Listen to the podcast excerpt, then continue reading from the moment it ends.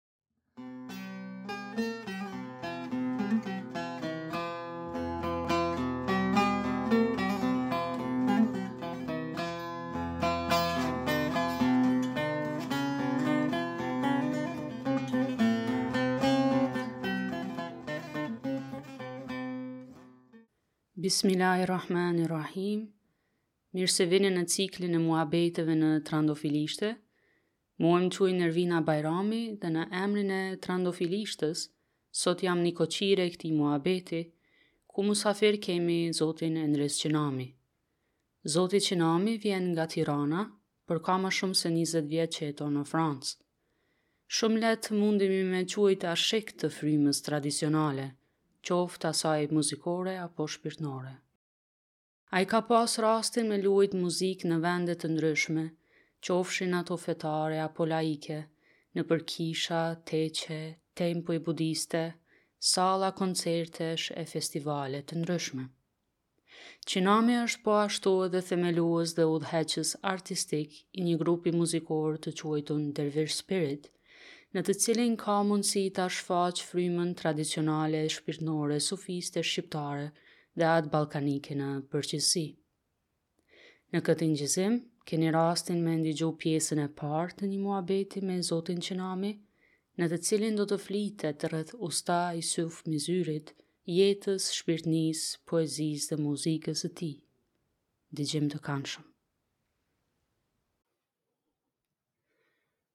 Përshëndetje zoti Enris. Përshëndetje Ervina, përshëndetje Trandafilishtja. Faleminderit që keni eh, marrë mundin dhe faleminderit për kohën që na keni kushtu. Faleminderit që jeni musafiri i parë i këtij cikli muhabetesh. ë uh, është një nder për neve. Gjithashtu është një kënaqësi shumë e madhe që ta nisim këtë cikël muhabetesh bashk. Edhe prej vitesh ndiqemi nëpërmjet rrjeteve sociale, kemi pasur fatin të takohemi, kemi pasur fatin ta njohim më nga afër punën tuaj, edhe është lumturi që një njohuri të vogël dhe një dashuri mbi të gjitha për këtë traditë, për të cilën do të flasim pak më vonë, ta ndaj me ju. Faleminderit shumë. Ë uh, ndigjusit mbase mundën me thon po çka kanë me fol ë uh, zoti Enrisi me Ervinën. Ë uh, tema sot është Isuf Myzyri. Edhe unë për veti nuk di shumë për Isuf Myzyrin edhe sa e pash nuk ka shumë materiale edhe online. Isuf Myzyrin e kam njoft përmes teje dhe postimeve tua, shkrimeve tua edhe kangëve tua. A mundeni me na tregu pak për Isuf Myzyrin? Kush është Isuf Myzyri? Kur ka jetu edhe ku ka jetu? Po, uh, usta Isuf Myzyri, njifet në gjuhën popullore, ka një dilemë sepse jetëshkruesi i tij më besnik, i cili e ka njohur dhe ka qenë uh, miku i tij i ngushtë, Ibrahim Hasnaj, të cilin un kam fatin që e kam kushuri të familjes time, rahmet past. Uh, në librin e tij i jep edhe emrin Jusuf, Mirëpo në dokumentat që kam parë vetë në Elbasan, ku dhe ka lindur ustai, në vitin 1881, në letërnjoftimin e kohës, emrin e ka Isuf. Pak a shumë është e njëjta gjë. Siç e thamë, ka lindur në Elbasan, ka lindur në periudhën e perandorisë osmane. Pra ka lindur në një periudhë të cilën neve pak e njohim, sidomos nga ana muzikore, sepse në vitet e para të jetës tij, edhe pse ai nuk merret me muzikë, bën zanate të ndryshme, fillimisht është merret me qeleshet, bën qeleshe, usta qeleshesh, në atë kohë zejtarët e qelesheve kanë qenë shumë të rëndësishëm, asnjë njeri nuk dilte pa e mbuluar kokën, domethënë. Kështu që qelesha ka qenë diçka vërtet e domosdoshme. Pastaj ka qenë dhe bahçevan, domethënë është marrë me këto kopshtet. Dhe më vonë, në një moshë relativisht jo dhe aq të re, vendos që muzikën ta bëjë zanat të vetin, zanat kryesor. Usta Isuf Myzyri, sipas të gjithë uh, letërshkruesve, kënduesve, njerëzve që e kanë njohur, nuk ka pas ditur as të shkruante, as të lexonte vetë. Në qoftë se ka pas ditur të lexonte pak, të themi ato minimalet, mund të ketë qenë shqipja e vjetër e shkruar me alfabetin arab, siç ka mm. qenë atë kohë. Pasi po flasim për një kohë para Kongresit të Manastirit. Mirëpo, kjo nuk e pengonte që të kishte një njohuri shumë të thellë dhe kryesisht njohuri mistike për tematika të cilat ai vetë më vonë i shpreh në poezinë e tij. Për ta kuptuar Usta Isuf Myzyrin, duhet të jesh pak usta Jusuf Myzyr, pra duhet të jesh pak ashik dhe usta si puna e tij, mm -hmm. në mënyrë që thelbin e poezisë të tij, ta largosh nga dimensioni thjesht horizontal, me të cilin shpesh neve për fat keq i kemi reduktuar disa kolosë të artit tonë, sepse ashtu kanë qenë regjimet dhe janë parë siç ka qenë interesi i kohës. për shembull do ta nis me një fragment të një poezie të usta Isuf Myzyrit, për ta kuptuar më mirë cili është ai. Thotë, trëndafilin shumë e dua, kur lëshon gonxhe burbuqe, por dhe rushi asht për mua, m'jep të bardhë dhe të kuqe. Për fat keq, pjesa më e madhe e interpretimeve që gjenden, të themi ne në YouTube, në rrjetet sociale, duke qenë se vetë regjistrimet e Usta Jusuf Myzyrit nuk posedojmë. Pra asnjeri vetë nuk mund të jetë sot të themi 100% i sigurt si ka tingëlluar muzika e tij. Gjithsesi, është interesante sepse pjesa më e madhe e kohës kur janë interpretuar këngët e tij, të cilat janë, do flasim më vonë për këtë, janë uh, këngë shpirtërore, të cilat në traditën ku ai bënte edhe pjesë, në traditën e mistikës së islamit, tasawufin ose sufizmin, siç themi ne. Ëh, mm -hmm. posaçërisht të tarikatit Bektashi ku ai vetë mori dorë e hyri në këtë rrugë mistike. Kjo lloj muzike në thonjza ose këto edhe këngësh në thonjza quhen nefes. Nga fjala nefs, nefes, pra frymë. Pra frymënxjerrje të një poezie e cila është poezi kryesisht jo e shkruar, të paktën në kontekstin e tij. Qëllimi i tij nuk ka qenë që këngët të shkruhen fillimisht, po të përçohen. Dhe kjo është dhe, le të themi në traditën e mirëfilltë të traditës së, së islamit, sepse dhe vetë revelata hyjnore, e cila nis me fjalën ikra, në të vërtetë Sipas shpjegimeve që kanë bërë shumë uh, mistikë, sidomos mistikët mbas shehut Rene Guénonit, Abdelwahid Yahya, sigurisht uh, Sheh Mustafa Valsani, i cili është ndër vazhduesit e tij më të mirë sot e kësaj dite në Francë, thotë që vetë fjala ikra në të vërtetë nuk do të thotë thjesht lexo. Aq më tepër që dhe profeti Muhammed sallallahu alaihi wasallam ishte dhe ai si me thënë, në thonjza analfabet, sigurisht do kuptuar në një tjetër pozicion kjo fjalë, ishte ummi, pra kishte një njohuri që ishte përtej gërmës, përtej harfit. Kishte njohuri direkte. Dhe në këtë njohuri direkte, një dëgjim, një përçim i këtij dëgjimi, është po aq i fuqishëm sa shkrimi. Shkrimi vjen në një moment ndoshta të dytë, për disa arsye, një ndër arsyet mund të jetë për mos ta harruar dhe vetë usta Jusuf Myzyri i thotë Ibrahim Hasnajt për të cilin folëm në fillim, i mhm. thotë Ibrahim, m'i shkruj thotë këto nefes, me kalemin tat, se kam frikë se do t'i harrojmë. Mm. E njëta gjë ka ndodhur dhe me traditën profetike dhe me traditën e librit e të Kuranit të shenjtë, Kurani Kerim është shkruajtur nga shokët e pejgamberit, nga sahabët, në mënyrë që të fiksojë dhe të mos harrojë. Në qoftë se do vim te Usta Isuf Myzyri, sepse sigurisht kemi shumë për të thënë, poezin të cilën folëm së pari, shpesh herë njerëzit e kanë kuptuar sikur ai flet ndoshta për diçka shumë konkrete, flet për thjesht për trëndafilin si lule ose kur trëndafili domethënë lëshon burbuqe është era e mirë. Edhe kur rushi është i kuq e i bardhë, ndoshta mos thosh vera e kuqe, vera e bardhë. Janë bërë dhe këngë, domethënë për fat të keq. Kur themi ne këngë e them me, me trishtim këtë gjë këngë rakie. Hmm. Dhe ky është denigrimi më i madh që i është bërë kësaj muzike, për mendimin tim. Do të bëj një shpjegim shumë të shkurtër të këtyre vargjeve, ndoshta kalojmë në një tjetër pyetje. Thotë, pse poeti fillimisht përmend trëndafilin? Sepse trëndafili është lulja e cila në vetvete simbolizon botën e shpirtit, Aroma e të cilit, pra aroma e trëndafilit, është vetë esenca e shpirtit të njeriut. Pra vetë çdo njeri nga ne ka një esencë i cili në, në momentin më sublim, në atë parfumin më të, më të bukur, më të brishtë, më të mrekullueshëm, është sigurisht ai i trëndafilit. Dhe kjo është dhe totalisht e lidhur me mistikën e sufizmit sepse vetë trëndafili simbolizon profetin Muhammed sallallahu alaihi wasallam, pejgamberin. Pastaj kur poeti flet për rushin, rushi i bardhë është simbol i bollokut. Dhe ai i kuq i tërësisë, i pjekjes shpirtërore. Pra rushi aludon edhe verën, e cila në rastin e poezisë sufiste simbolizon ekstazën ose dehjen shpirtërore. Dhe gëzimi që ndjehet kur krijuesi ose i dashuri shfaqet në zemrën e të dashuruarit, pra krijesës. Dhe e bën atë të braktisë çdo gjë tjetër përveç se krijuesit. Pra me një katërvargësh, me një rubai të shkurtër, Usta Isufi për ato që kanë vesh ta dëgjojnë ato që kanë shpirt ta kuptojnë dhe zemër ta përçojnë, na fut në një dimension ku ne përhumbemi. Shumë e bukur.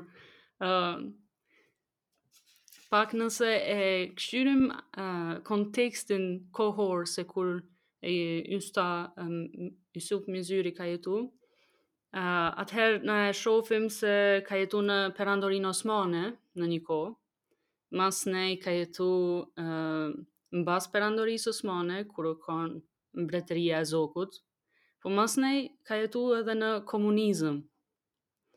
Uh, edhe komunizmi ka pas një ndikim në interpretimet e shumë kangve, shumë uh, poezive, qoftë të Naim Frashrit. Shembul, unë si fmi,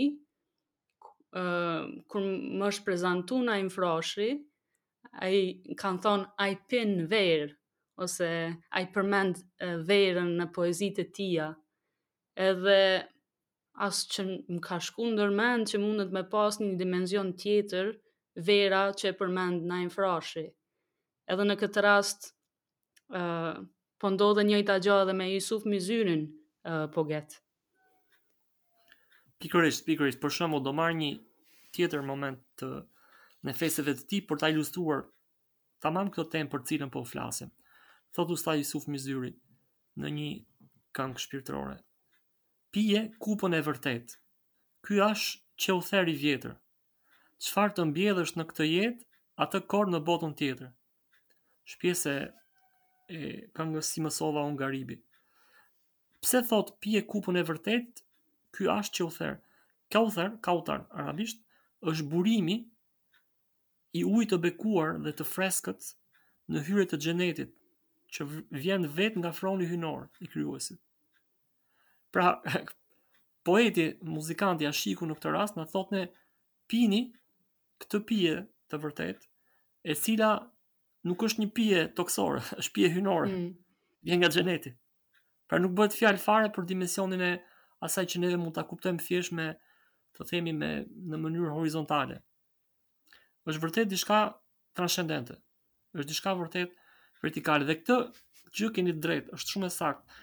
Duke qenë se vetë ai i ka jetuar këto tre periudha që përmendëm, sigurisht duke qenë se ka ndërruar jetë në periudhën e komunizmit në vitin 1956, pra një 10-vjeçar ose 12 vjet mbas të themi fundit të luftës dytë botërore, ë Me kalimin e kohës, këngët e tij janë transformuar ose poezitë ose nefeset në këngë, edhe dimensioni vertikal, dimensioni shpirtëror, dimensioni transcendent, nuk mund të në atë kohë nuk mund të ekzistonte sepse ishte i ndaluar totalisht me ligj.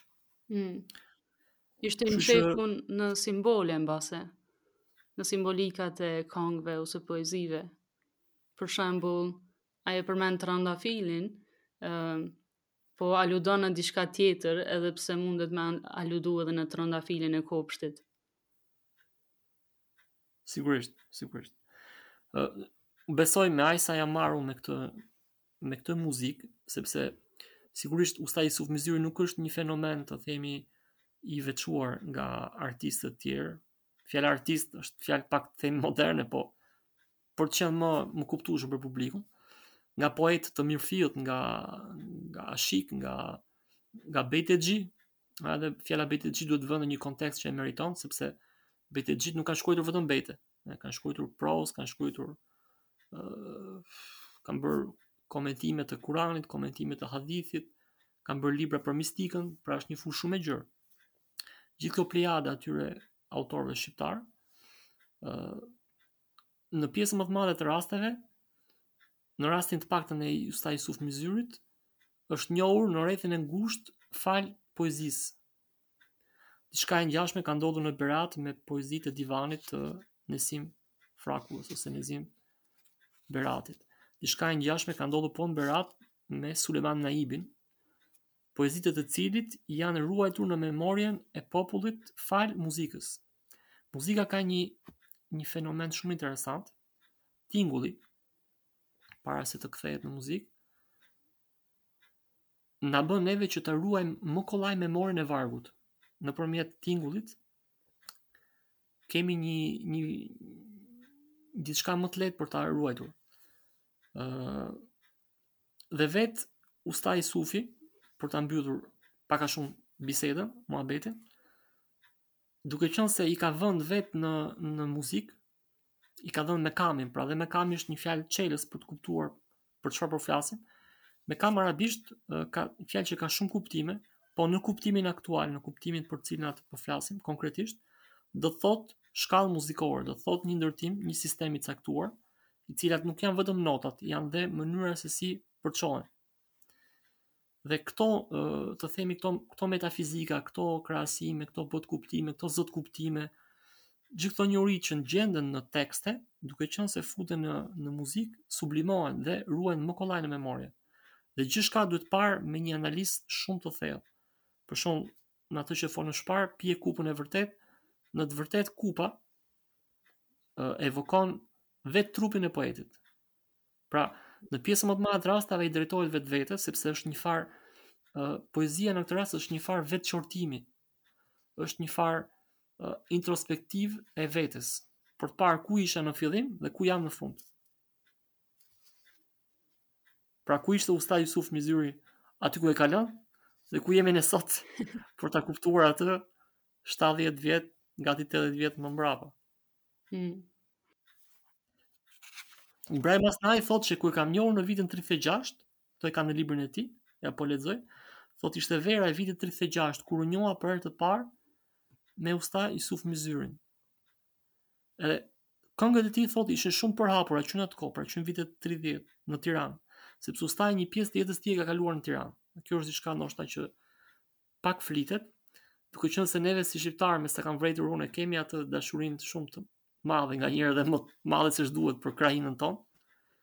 Vërtet kur shkon në Elbasan, njerëzit janë shumë krenarë që është vjershëtori, poeti më i madh, simboli ëmë, i muzikës së qytetit, por në të vërtetë dhe ato vetë pak e dinë që një pjesë të madhe të kohës ai ka kaluar në Tiranë.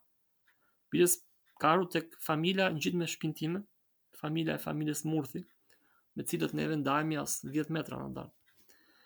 Pra këngët e tij që në atë kohë, edhe pse nuk ka pasur regjistrime, pra duhet të jemi në kontekstin e kohës, nuk ka asnjë mënyrë për ta dëgjuar muzikën e tij. ose do ta dëgjosh vetë nga goja ustai, ustait dhe orkestrinës së tij, ose nga ata të cilët fillojnë të luajnë këngët e tij. Pra që në fillimet e tij, sepse rreth viteve 20, fund 20, fillim 30 nis muzikën, pra në një moshë rreth 40 vjeçare e nis. Nuk e nis aq i ri. E nis duke rënë violinës, dhe këtu ka një histori shumë interesante për violinën, mund ta themi pak më vonë. E mëson pak a shumë në mënyrë autodidakte, mirëpo e përshtat me mekamet, pra me sistemin muzikor të kohës, i cili sidomos në Shqipërinë e Mesme është shumë i lidhur me sistemin e lindjes, nga ku vjen dhe mekamet, nga lindja e afërt dhe nga sistemi i muzikës osmane. Dhe vetë fakti që Ibrahim Hasnaj thotë që Ustai është shumë i njohur në atë kohë, tregon që që në fillim mënyra se ai e përçonte muzikën u dallua nga të tjerët. Dhe kjo është diçka shumë e rëndësishme. Po flasim për një personazh ose për një person, i cili është më tepër person se personazh, sepse personifikon shumë gjëra duke qenë vetvetja. Ai nuk kishte nevojë të ishte personazh. Duke qenë vetvetja ishte një person i jashtëzakonshëm, i cili kishte edhe një karizëm shumë të madh, pra estetika e tij muzikore buronte nga etika, nga edepi, nga kultura e tij, nga mirësjellja e tij. Dhe të gjithë njerëzit që e kanë takuar kanë thënë vishej me një qeleshe të bardhë, gjithmonë ishte i pastër, duke qenë se kishte qenë dhe qeleshexhi, gjithmonë ka qenë me veshje tradicionale. Nuk kemi asnjë foto ose asnjë përshkrim të tillë që e ndërroi veshjen tradicionale shqiptare. Dhe njeri i cili i dëgjonte njerëzit dhe ishte shumë ekzigjent në muzikën që bënte në grupin e tij.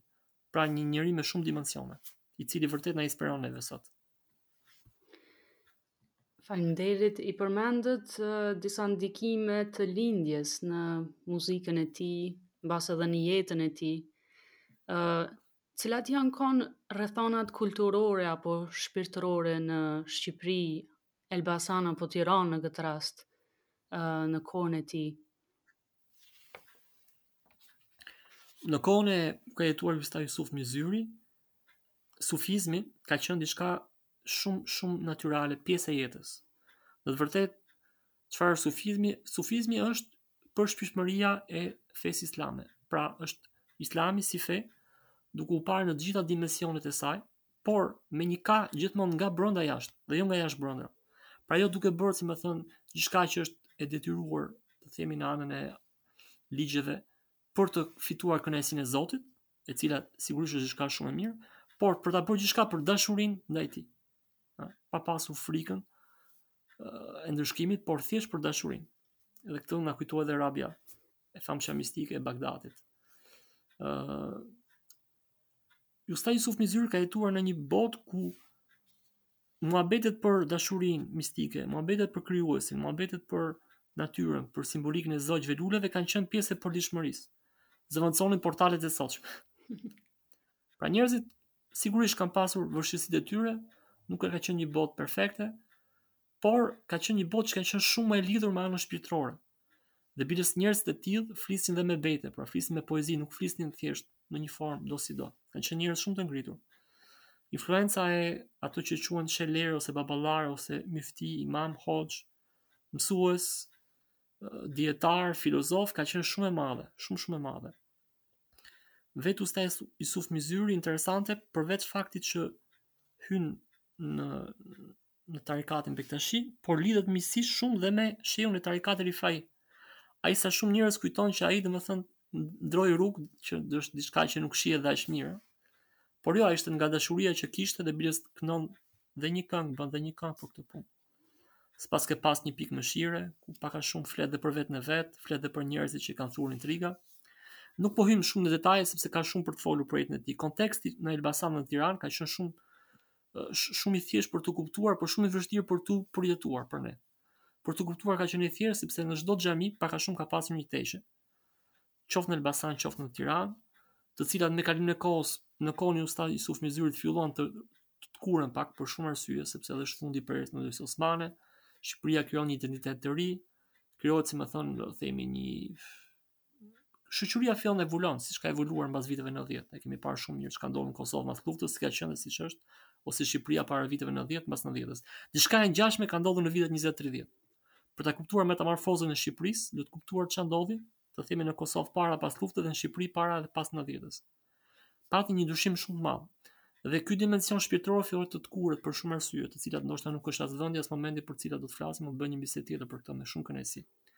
Duke qenë se ky dimension filloi të tkurret, ë për fat keq të gjitha këto muhabete që po flasim filluan të keqkuptohen ose të kuptohen në përgjysëm ose të harrohen. Pra ai ka jetuar, si me thënë, në ndoshta në në kulmin në majën, e kësaj e kësaj jete tradicionale dhe ndoshta edhe vet nga fundi i jetës vet dhe ai vet ka një diçka interesante, japin një nuk e di, ka qenë ndoshta viti një vit para se të ndërronte jetë, ishte i moshuar. Vendos uh, Bashkia e Elbasanit në atë kohë pushteti popullor komunist që t'i japi një dekoratë në pallatin e kulturës ose një sallë që sapo është krijuar, e cila është komplet ndryshe nga muzika tradicionale që luhet në formë shumë në oda në në për ahengje jashtë. Domethënë, ai shkon atje e shef që nuk është fare hat, thotë mbajni për veten, nuk e dua. Dhe kjo tregon që vetë ai po e ndjente që kishte ardhur një botë tjetër dhe ai nuk i përkiste më kësaj bote. Kështu që besoj që ishalla shkoi në paqe, u preftë gjithmonë paqen i qetë në botën tradicionale, në botën e ata aty ku tradita siç e thotë Rene Genoni fundi fare nuk është gjë tjetër veçse aplikimi i gjithçka që krijuesi ka bërë për krijesat. E kam vrejt se në kangët e tij përmendet Elbasani shumë. Edhe mbasi jemi te simbolikat shpirtnore, mua më kujton atë thonjen profetike Hubbul Vatan Minel Iman. Dash, dashunia e vatanit është prej imanit, besimit. Uh, A mendoni se ka pas një qasje të tillë dhe uh, kur e ka përdor Elbasanin në poezitë dhe kangët e tija? A ka fol për shpinë primordiale, uh, vatanin primordial, dhe jo vetëm Shqipërinë uh, ose Elbasanin në këtë rast? Padiskutimisht, padiskutimisht, dashuria për vendlindjen, për traditat, për doket, zakonet, për gjuhën, për gjithçka që na kanë përçuar të parët, na bën që neve ta duam gjithnjë më tepër atë që ka krijuar këtë realitet, pra krijuesin e gjithësisë. Në atë moment dhe kjo thënie profetike merr një dimension uh, akohor dhe a uh, hapësinor, pra përtej hapësirës dhe kohës. Dhe siç e thotë dhe vetë Hazreti Mevlana, thotë në këtë thënie profetike profeti flet për vatanin hyjnor. Ëh, mm. uh, është shumë e rëndësishme të kuptohet që gjithnjë më shumë njeriu ka nevojë që të ketë një të ketë ajo që themi ne të marrë rrënjë. të ketë rrënjë diku. Bile në Tiranë themi do dali bari në rrënjë. Pra diku do dali tradita, po duhet, me thënë, duhet të marrë rrënjë, duhet të ketë një bazament. Momentin që ka një bazament, një traditë e tillë mund të jetë traditë universale, siç është tradita Naim Frashërit në poezi. Pse? Sepse janë koncepte që flasin për gjitha gjuhët, për gjitha fetë, për gjitha për gjitha kohërat biles. E tejkalojnë uh, hapësirën dhe kohën në cilën të janë shkruar. Dhe në një këndvështrim të tillë, unë jam përpjekur t'i përkthej frëngjisht këto poezi, dhe vetë jam surprizuar se si në gjuhën të cilën e njoh më mirë mbas shqipes, duke qenë se kam 22 vite që jetoj në Francë, se si në një gjuhë që ndoshta Usta Jusufi nuk e kishte dëgjuar asnjëherë ose shumë pak, se nuk kishte pse të kishte kontakte me këtë gjuhë. Tingëllojnë po aq bukur sa në shqip, biles biles, nganjëherë të hap dhe një dimension tjetër të botëkuptimit. sepse vetë kuintesenca e saj është shumë e fuqishme. Duke qenë se bisedën sot po e bëjmë një ditë e cila është një ditë, të themi filizat e parë pranverës, 7 marsit, dita e mësuesve, për mua Usta Isuf Myzyri është mësues i mirëfilltë, biles është arketipi i mësuesit. Dhe do të recitoj një fragment të shkurtër kur thot si bilbili në pranverë që këndon pa pushu, ah mo zemër, ah moj zemër, moj e mjerë, qenke djeg e përvëlu. Kënga është e gjatë, por ça thot Jusuf Myzyri, usta Jusufi, për pranverën? Pranvera është rilindja e jetës dhe të gjitha gjallesave dhe prandaj flet për simbolin e binomit të trëndafilit me bilbilin. Dhe ky binom, të cilin e përdor shpesh në këngët e tij, simbolizon në radhë të parë të dashurin dhe të dashuruarin. Pra, krijuesin dhe krijesën. I, i hipnotizuar nga bukuria e lules, bilbili fluturon pa fund rreth saj, ashtu siç krijesa që ne jemi, gjithë jetën e saj kërkon burimin e njohjes, burimin e krijimit, krijuesin. Dhe pse ë hapësira kohore dhe hapësira ë të themi lëndore dhe krahinore është aq e përhapur në në këtë poezi, sepse në të vërtetë është ndoshta edhe një amanet për ne, për ta kuptuar që ai e ka lënë amanet, pra amanet është diçka që Nuk është thjesht për kohën, është për kohët pas që vijnë. Ndoshta na ka lën dhe neve amanet që neve ta krijojmë këtë Elbasan ose këtë Tiranë të vjetër, aty ku jemi ne. Që neve kur të shkojmë atje në Elbasan, ta shohim Elbasanin me sytë e Isuf Myzyrit dhe jo me atë që është sot, që është shumë ndryshe nga ajo që ka lën ai. Mm. Prandaj është shumë e rëndësishme që njeriu të japi një informacion se ku e ka bër dhe kur e ka bër për ta tejkaluar këtë kohë dhe këtë hapësirë. Shumë e bukur. Endris, ke knatësi me bo muhabet me ty. Faleminderit shumë. Uh, shpresojmë se kemi me pas edhe muhabete tjera rreth temave tjera që bash s'patëm kohë sot me i prek, uh, sidomos rreth uh, sufizmit në Shqipëri dhe në Kosovë dhe në Ballkan në përgjithësi, edhe se qysh shpeshherë keqkuptohet me termin sekt, shembull uh, kur kam lexu për uh, Usta Isuf Myzyrin, uh, në shkrimet e ndryshme thuhet se i takonte sektit Bektashi, edhe Është pak fatkeqësi, mendoj, se ky diskursi modern uh, i ndan uh, tarikatet në sekte të ndryshme, a në fakt është vetëm uh, pjesa e brendshme e islamit. Unë do kisha shumë dëshirë sepse kjo është një temë shumë e madhe dhe kërkon ndoshta njerëz më të ditur për këtë gjë. do kisha shumë dëshirë që të bënim një bisedë të dytë për pjesën e dytë të usta Isuf Myzyrit, sepse vërtet vetëm sa e cekëm figurën e tij. Dhe nëpërmjet tij, të gjitha temat dhe sufizmi sigurisht do të kuptohen ndoshta më lehtë, sepse po flasim për diçka konkrete. Me shumë kënaqësi, faleminderit shumë Ervina, faleminderit për këtë bisedë kaq të këndshme. Faleminderit shumë.